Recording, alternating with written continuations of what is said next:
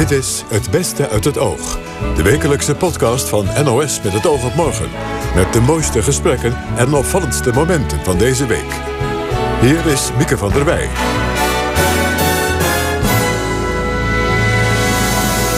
Hartelijk welkom bij deze weekpodcast van het Oog, waarbij we volop de geschiedenis induiken. 70 jaar geleden begon de Koreaanse oorlog. Wereldwijd wordt die de Vergeten Oorlog genoemd. Maar de veteranen zullen het, volgens journalist Casper van der Veen, nooit vergeten. Als de knapste kopper ter wereld het slechtste terrein voor een oorlog hadden gekozen, hadden ze unaniem voor Korea gekozen. Een glaasje wijn, een sandwich of zelfs een hele maaltijd. Het is met het verdwijnen van de restauratiewagons niet meer te krijgen in de trein. Maar Tuur Verdonk van het Spoorwegmuseum ziet er zeker nog toekomst in. Ja, ik denk zeker dat het een goed argument kan zijn om de reiziger uit de auto te trekken, uit het vliegtuig terug de, de trein in. En straks nog meer geschiedenis, want ook 70 jaar geleden won Limburgia met 6-0 van Ajax. De club veroverde daarmee het landskampioenschap, maar daarna is het eigenlijk nooit meer serieus wat geworden met het Limburgse voetbal. En dat terwijl het profvoetbal volgens kenner Hans Donners zijn oorsprong heeft in Limburg. De KNVB was daar uh, mordicus tegen. Die zei, er wordt niet gevoetbald, uh, betaald en zeker niet op zondag. We beginnen met een ander verhaal uit de Nederlandse geschiedenis. De herijkte kanon van Nederland werd afgelopen week gepresenteerd. Met daarin een aantal bijzondere verschuivingen. Zo moet Willem Drees plaatsmaken voor Marga Klompé. Een goede reden om die twee eens naast elkaar te zetten. Chris Keijne deed dat samen met John Jansen van Galen... die een biografie over Drees schreef... Mirjam van Rijssen, die de Marga Klompé-leerstoel in Tilburg bezet. Ze heeft uh, veel uh, verdiensten gehad, maar uh, ze, ze, is het meest bekend geworden doordat ze in 1965 de Algemene Bijstandswet. Ja. En ik denk dat het, ik bedoel, wat mij betreft moet het ook helemaal geen wedstrijd zijn, want hmm. Willem Drees is natuurlijk fantastisch, ook wat hij betekend heeft voor de Nederlandse geschiedenis. Ik denk dat het daar in ieder geval helemaal niet om zou moeten gaan. Nee, maar ja, nou, het, het, het, wordt natuurlijk toch een klein beetje een wedstrijd in die zin dat het, het argument van uh, uh, James Kennedy, de, de, de voorzitter van de, commissie die deze nieuwe kanon heeft opgesteld, is dat hij dat die zegt: John, ja, die verzorgingsstaat die is toch eigenlijk pas in de jaren zestig tot stand gekomen, juist vanwege dat argument wat je net noemde, namelijk dat, dat Drees geen hangmat wilde. Terwijl die bijstandwet nou juist een generieke maatregel was die voor iedereen een basis onder het bestaan legde. Wat vind jij van dat argument? Ja, en die ook later, waar ook later weer veel op afgedongen is. Maar ik vind eigenlijk dat Drees zoveel, uh, zoveel breder is dan dat. En ook dan Klompé. Ik bedoel, hij was hij was uh, zo ongeveer. Uh, zij zat in het verzet, maar hij was zo mhm. ongeveer de voorzitter van het verzet.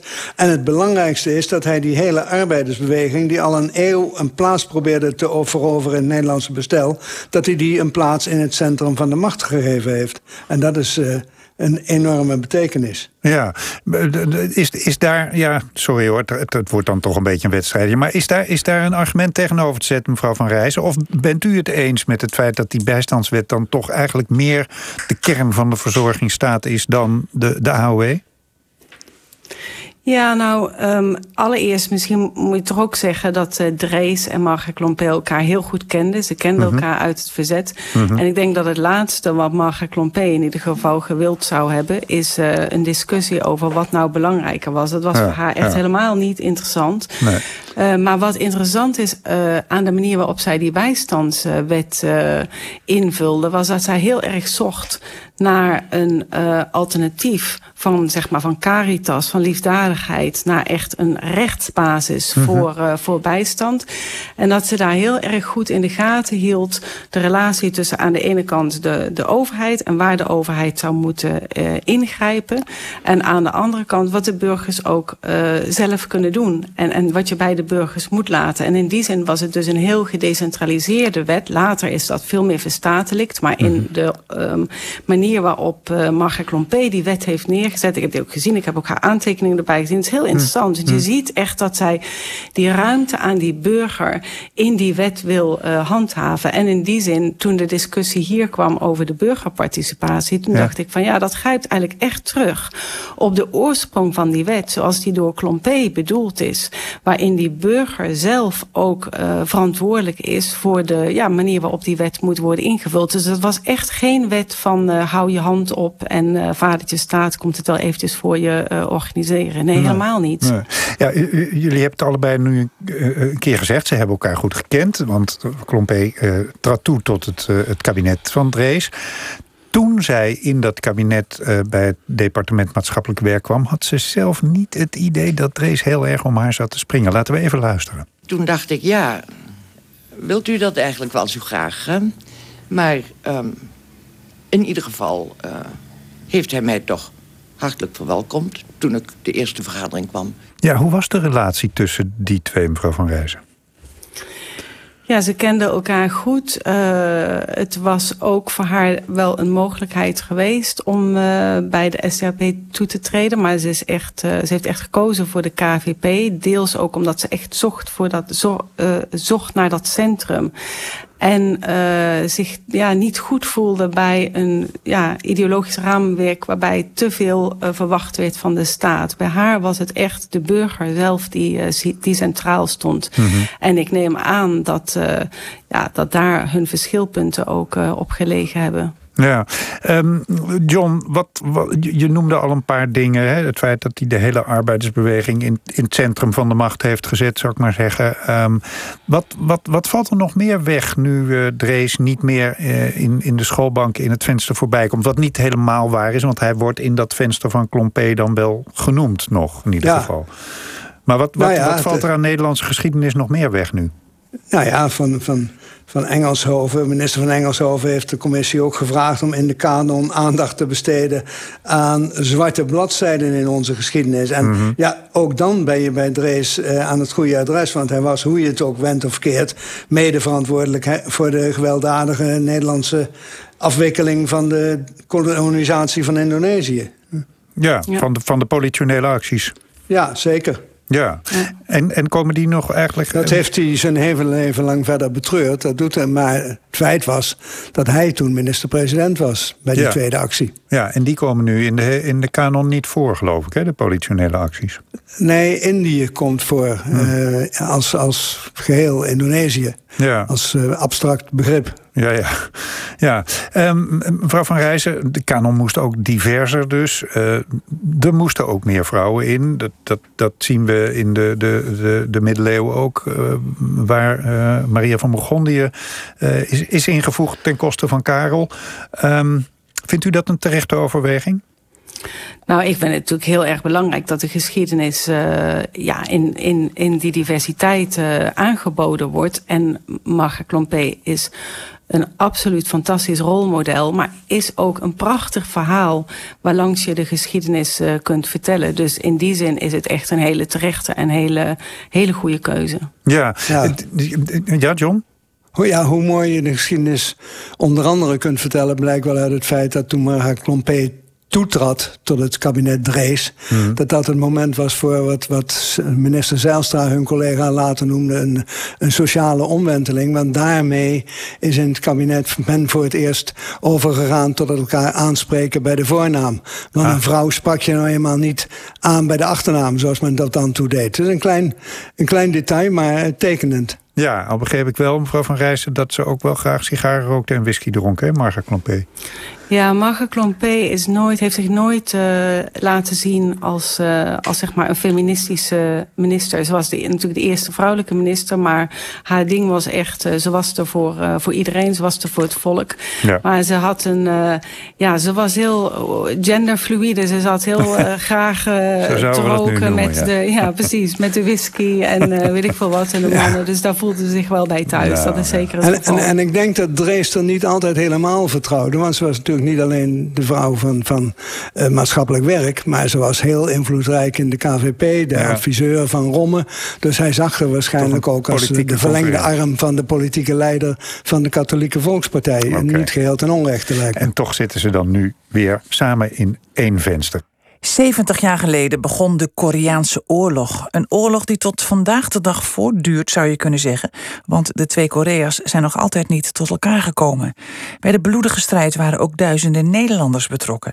Toch wordt het de vergeten oorlog genoemd. Journalist Casper van der Veen was daarom te gast bij Herman van der Zand... om ons geheugen eens op te frissen. Noord- en Zuid-Korea werden na de Tweede Wereldoorlog eigenlijk in, in, in twee landen gehakt. Daarvoor was het een kolonie van Japan. Eh, het noordelijke deel werd communistisch, het zuidelijke deel kapitalistisch. En eigenlijk in 1950 zag de dictator van Noord-Korea zijn kans schoon. Die dacht, ik ben veel beter bewapend. Uh, ik heb ook een veel beter getraind leger. Ik val Zuid-Korea binnen. Nou, dat deed hij met succes. Binnen enkele weken had hij 95% van het schiereiland onder zijn leiding. En er was nog geen buitenlandse mogendheid bij betrokken toen. Dit was puur Koreaanse aangelegenheid. puur Koreaanse aangelegenheid. En ja, toen is er toch een VN-commando. Uh, waar dus ook Nederland aan heeft uh, deelgenomen. Die zijn de Zuid-Koreanen te hulp geschoten. Zijn vervolgens de grens met Noord-Korea overgedenderd. En waarop de Chinezen, die net een jaar communistisch waren onder Mao Zedong, uh, Noord-Korea te hulp schoten. En toen heeft die oorlog eigenlijk nog tot juli 53 voortgemodderd rondom die oude grens. En daarna werd er een wapenstilstand gesloten tussen beide partijen. Uh, maar een vredesverdrag is er tot op de dag van vandaag nooit gekomen. Dus formeel gezien, op papier, is de Koreaanse oorlog uh, nog steeds gaande. Ja, en die, en die zit vast op die, op die, op die breedtegraad. Ja, dus ja, ja. Noord- en, Noord- en Zuid-Korea werden gescheiden met het idee... Um, ja, dat is tijdelijk en dan later kunnen de Koreanen zichzelf besturen, zelf beslissen of ze onder een communistisch of kapitalistisch systeem willen leven. Maar zoals we zien is die, die scheiding. Die, Daar zijn ze nog steeds niet uit. Het duurt al drie kwart eeuw. Ja. Uh, we kunnen even luisteren naar hoe Major Den Ouden, die het Nederlandse detachement van de Verenigde Naties leidde naar Korea, de vlag kreeg aangeboden van de VN. Aan de vooravond van de vijfde verjaardag van de Organisatie der Verenigde Naties wordt in de Ridderzaal in Den Haag een bijeenkomst gehouden. Die onder andere wordt bijgewoond door minister-president Drees, staatssecretaris Blom en door commandant en manschappen van het Nederlandse detachement voor Korea. Tijdens deze plechtigheid, die uitgaat van de Vereniging voor Internationale Rechtsorde, wordt de vlag der Verenigde Naties aan de commandant van het detachement, Major Den Ouden, aangeboden. Ja, uh, u zegt met tegenzin gingen we erheen. Waarom dan? Um, uh, aanvankelijk wilde premier Drees uh, helemaal geen Nederlanders sturen. Nederland werd zelfs geneemd en geshamed door de Amerikaanse overheid. One Nation let us down, Holland toen ze weigerden troepen te sturen. En uiteindelijk na druk uh, is Willem Drees ja, toch overstag gegaan. En heeft Nederlandse uh, ja, niet zelf troepen gestuurd, maar een oproep geplaatst voor vrijwilligers. En daar hebben dus toen enkele duizend Nederlanders zich voor aangemeld. Want er waren na de Tweede Wereldoorlog en na de oorlog in Indië nog steeds jongens die die kant op wilden? Blijkbaar wel. En het was ook ja, 1950, 51. Ik noemde net die wederopbouw, maar in deze jaren uh, was er nog een grote uh, tekort aan woningen, tekort aan banen. De Nederlandse overheid stimuleerde zelfs actief een emigratiebeleid. Het is trouwens het was, wel. Het was ergens anders beter dan hier. Ja, ze werden actief aangemoedigd om naar Australië of de Verenigde Staten te emigreren. Het is wel opmerkelijk, of, uh, grappig dat je de, um, een fragment laat horen van uh, overste Den Oude. Want Nederland is het enige land dat heeft deelgenomen aan de Koreaanse oorlog. Hè, van de buitenlandse mogendheden die echt een opperbevelhebber heeft uh, verloren, waarvan is gesneuveld. Uh, Overste den Oude is in 1951 uh, bij een Chinese aanval om het leven gekomen. Um, um, die mannen komen dan thuis. Je zegt al, ja, zij wilden het vergeten en wij waren het ook een beetje vergeten. Ja, het is een hele brute oorlog. Um, Eén veteraan, Willy de Vries, heeft wel eens gezegd... als ik overlijd, kom ik vast in de hemel, want in de hel ben ik al geweest. Want wat was het voor oorlog? Het was eigenlijk een, een brute loopgravenoorlog. Uh, mensen ja, schoten vooral granaten op elkaars stellingen. Uh, ook een ander bekend citaat over Korea is... als de knapste kopper ter wereld het slechtste terrein voor een oorlog hadden gekozen... hadden ze unaniem voor Korea gekozen. Want het is daar... Uh, bittere kou in de winter, tropisch hit in de zomer... Uh, het is, bestaat volgens mij het hele Schiereiland voor 70% uit bergen.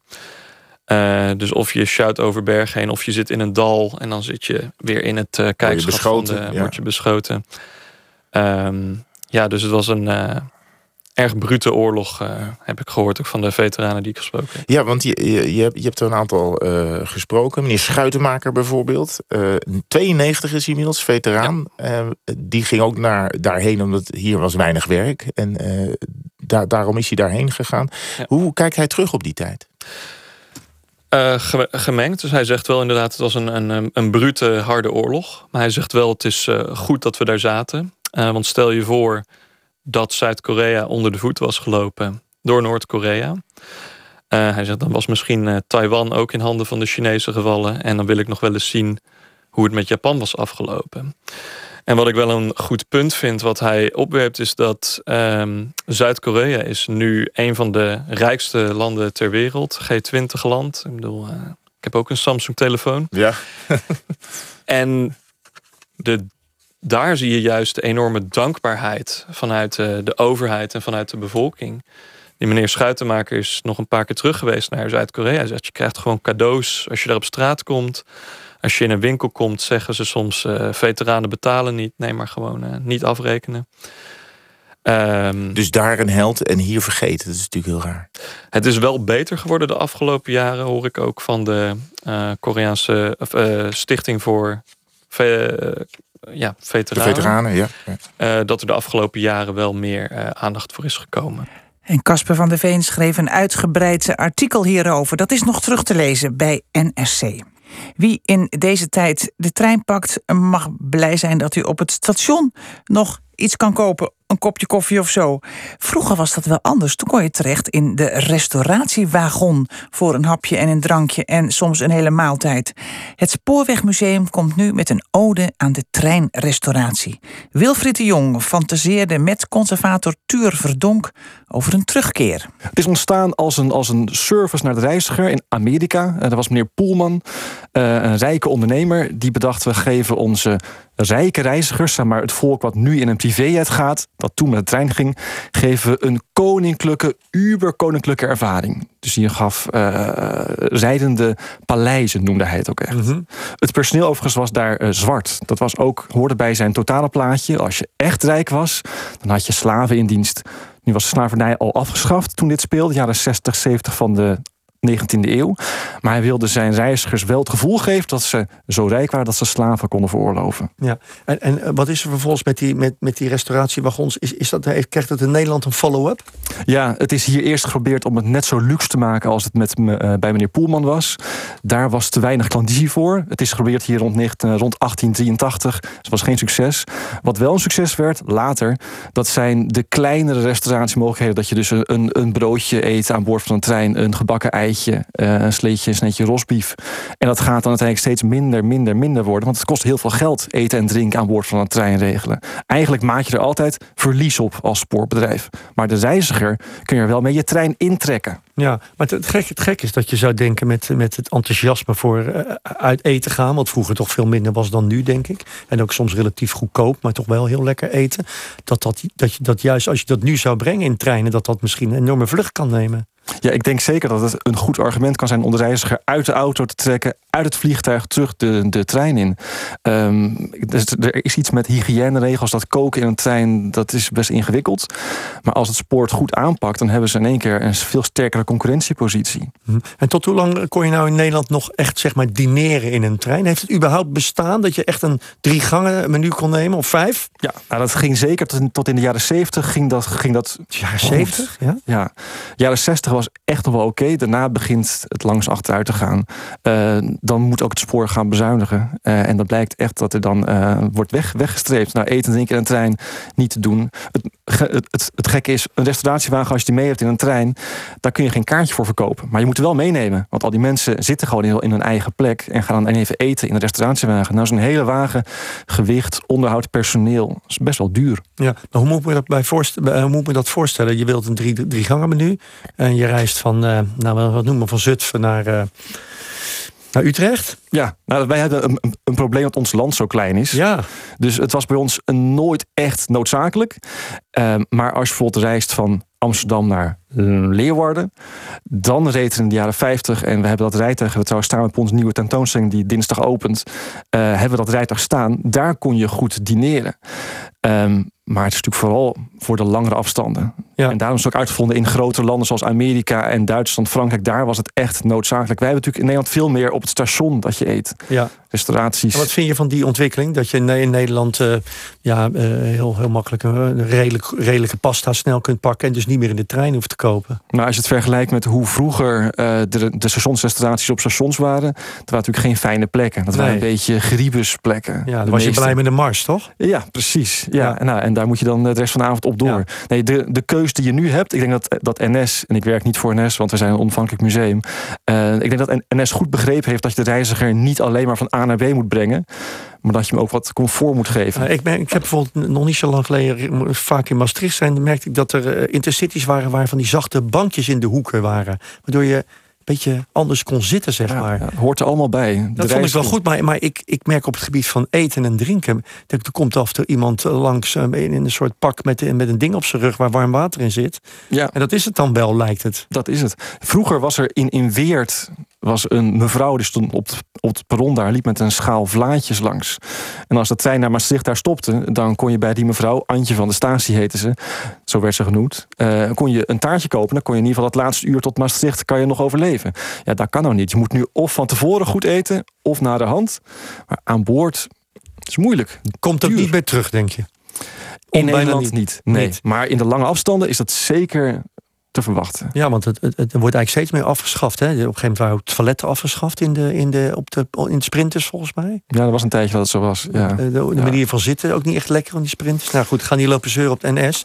Maar, maar uh, jij, jij ziet het niet echt meer in, in deze sfeer terugkeren. Is, zijn er overigens nog mogelijkheden uh, in, in Europa dat je zegt van nou, als je nou echt goed wil reizen en goed wil eten met damast, een ober die keurig schoon is Drie gangen, goed eten, echt warm, echt koud als het moet. Nou, ja, er, er, er, is een soort cruise-trein die uh, met oude Orient Express rijtuigen nog steeds rijdt. Dan betaal je echt wel duizenden euro's voor een kaartje. Ja. Maar dan reis je als het heertje reis je door Europa heen. Maar dat zijn geen reguliere treinen meer. Nog even sparen dus. 70 jaar geleden schreef de Limburgse club Limburgia geschiedenis. Met 6-0 overmeesterde ze Ajax en werden ze landskampioen. En dat voor een club van mijnwerkers. Maar wat is er daarna toch gebeurd met het Limburgse voetbal? Wilfried de Jong vroeg het aan een kenner van dat voetbal, Hans Donners. Maar eerst even terug naar dat bijzondere moment. Dat er gejuicht werd in het stadion, dat laat zich begrijpen. De spelers van Limburgia dartelden als jonge veulens over het veld toen het eindsignaal geklonken had. En ze werden door enthousiaste supporters op de schouders genomen.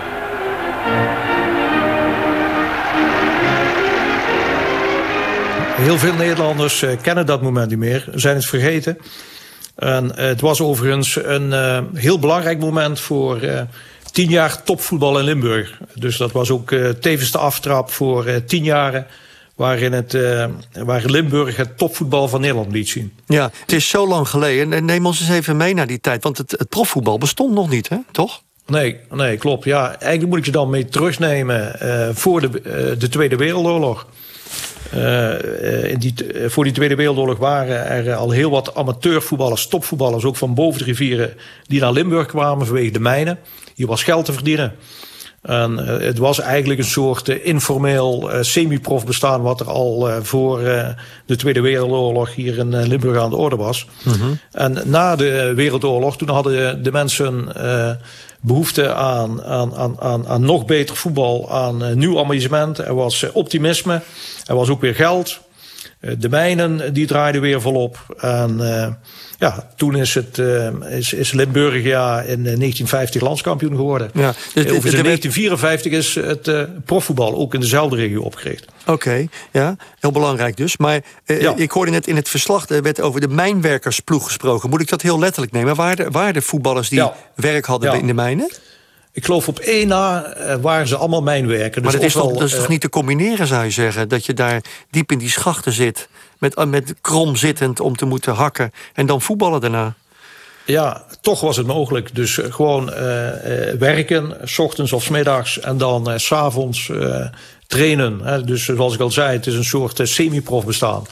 En wat dat betreft was er dus ook een hele stevige ja, emotie en band en wisselwerking tussen gewoon de mensen, het publiek en, en de mijnwerkers, de mijnwerkers, uh, voetballers. De, de, ja, ja, zoals het eigenlijk nu nog, hè, als je je over Rode JC hebt, ook, ook een club die het niet uh, makkelijk heeft. Maar ja. dan zie je toch ook altijd wel die vlaggen die doen herinneren aan die, aan die tijd, hè, de mijnwerktijd. Ja, ja dus, dus de koempels, hè, dus de jongens onder in de mijn. Maar dit was eigenlijk de eerste koempelclub. Hè, dus de koempelclub avant la lettre. Overigens, in diezelfde periode, dus die tien jaar die daarop volgden, is uh, een van de voorlopers van uh, Roda JC, Rapid 54 en Rapid JC, is ook landskampioen geworden. Dus, dus wat dat betreft geeft het ook aan dat het uh, hier in deze regio, dus in de beide mijnstreken, de oostelijke en de westelijke mijnstreek, te doen was. Hier was veel geld, dus er was ook topvoetbal. Ja, dit, het was gewoon uh, de, de place to be als voetballer, zou je bijna. Kun je niet meer voorstellen nu. Want Absoluut, als, je, als, ja. als Rapid dan uit Kerkrade, wat u net zei, in 55, 56 het seizoen kampioen wordt. En daarna ja. is er nooit meer een Limburgse club kampioen geworden. Wat is er dan in hemelsnaam misgegaan daar? Tja, kijk, uh, dan, dat, dat is dan een veel gehoorde opmerking... die vooral ook vanuit een Nederlands perspectief gemaakt wordt. Nou ja, die, die, dus, die nou, nemen jullie toch ook? Jullie toch ook, uh, moeten toch ook wachten op het kampioen, kampioenschap nu? Ja, zeker. Goed, kijk, de Limburgse clubs spelen een Nederlandse competitie. Maar ik zeg dat uiteraard met opzet. kijk, in, in, in, in, in, in 1954 werd het profvoetbal hier in Geleen opgericht. door Giet Joosten. Die was ook eigenaar van een de allereerste profclub in Nederland, Fortuna 54. Uh, vervolgens, uh, de KNVB was daar uh, mordicus tegen. Die zei, er wordt niet gevoetbald, betaald en zeker niet op zondag. want zij betaalde, zij voetbalde, de amateurs in voetbalden vooral op zaterdag en onbetaald. Dus dat was eigenlijk vloeken in de kerk. Ja. Hij heeft toen bewezen met zijn wilde profcompetitie dat er volle tribunes waren. En veel meer kwaliteit dan in de reguliere KNVB-wedstrijden. En halverwege die, uh, dat seizoen is de KNVB overstag gegaan... en heeft aan Giet gevraagd of ze konden fuseren. En vervolgens daarna is eigenlijk de eerste keer... het officiële betaalde voetbal gestart. Ja. Om maar het belang ja. even aan te geven van Limburg. Absoluut. Er zijn mooie boeken Absoluut. over geschreven trouwens. Maar ja, het is toch, nog, toch is het misgegaan. Wat ging er mis in, in Limburg met het voetbal?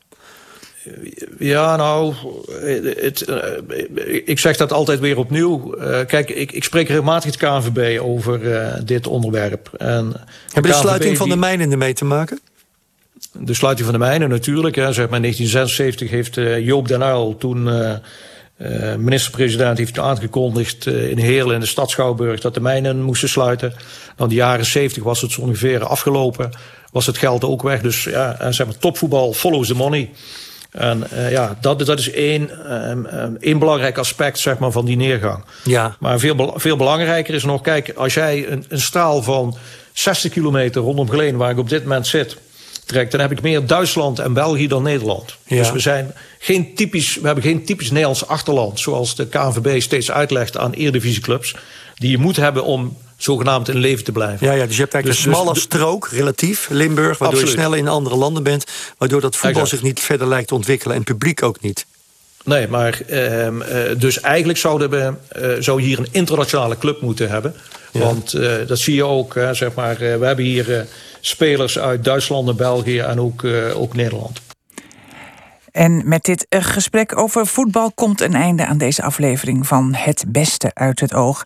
Volgende week staat er uiteraard weer een nieuwe podcast klaar in uw favoriete podcast-app. Heel graag tot dan. Dag.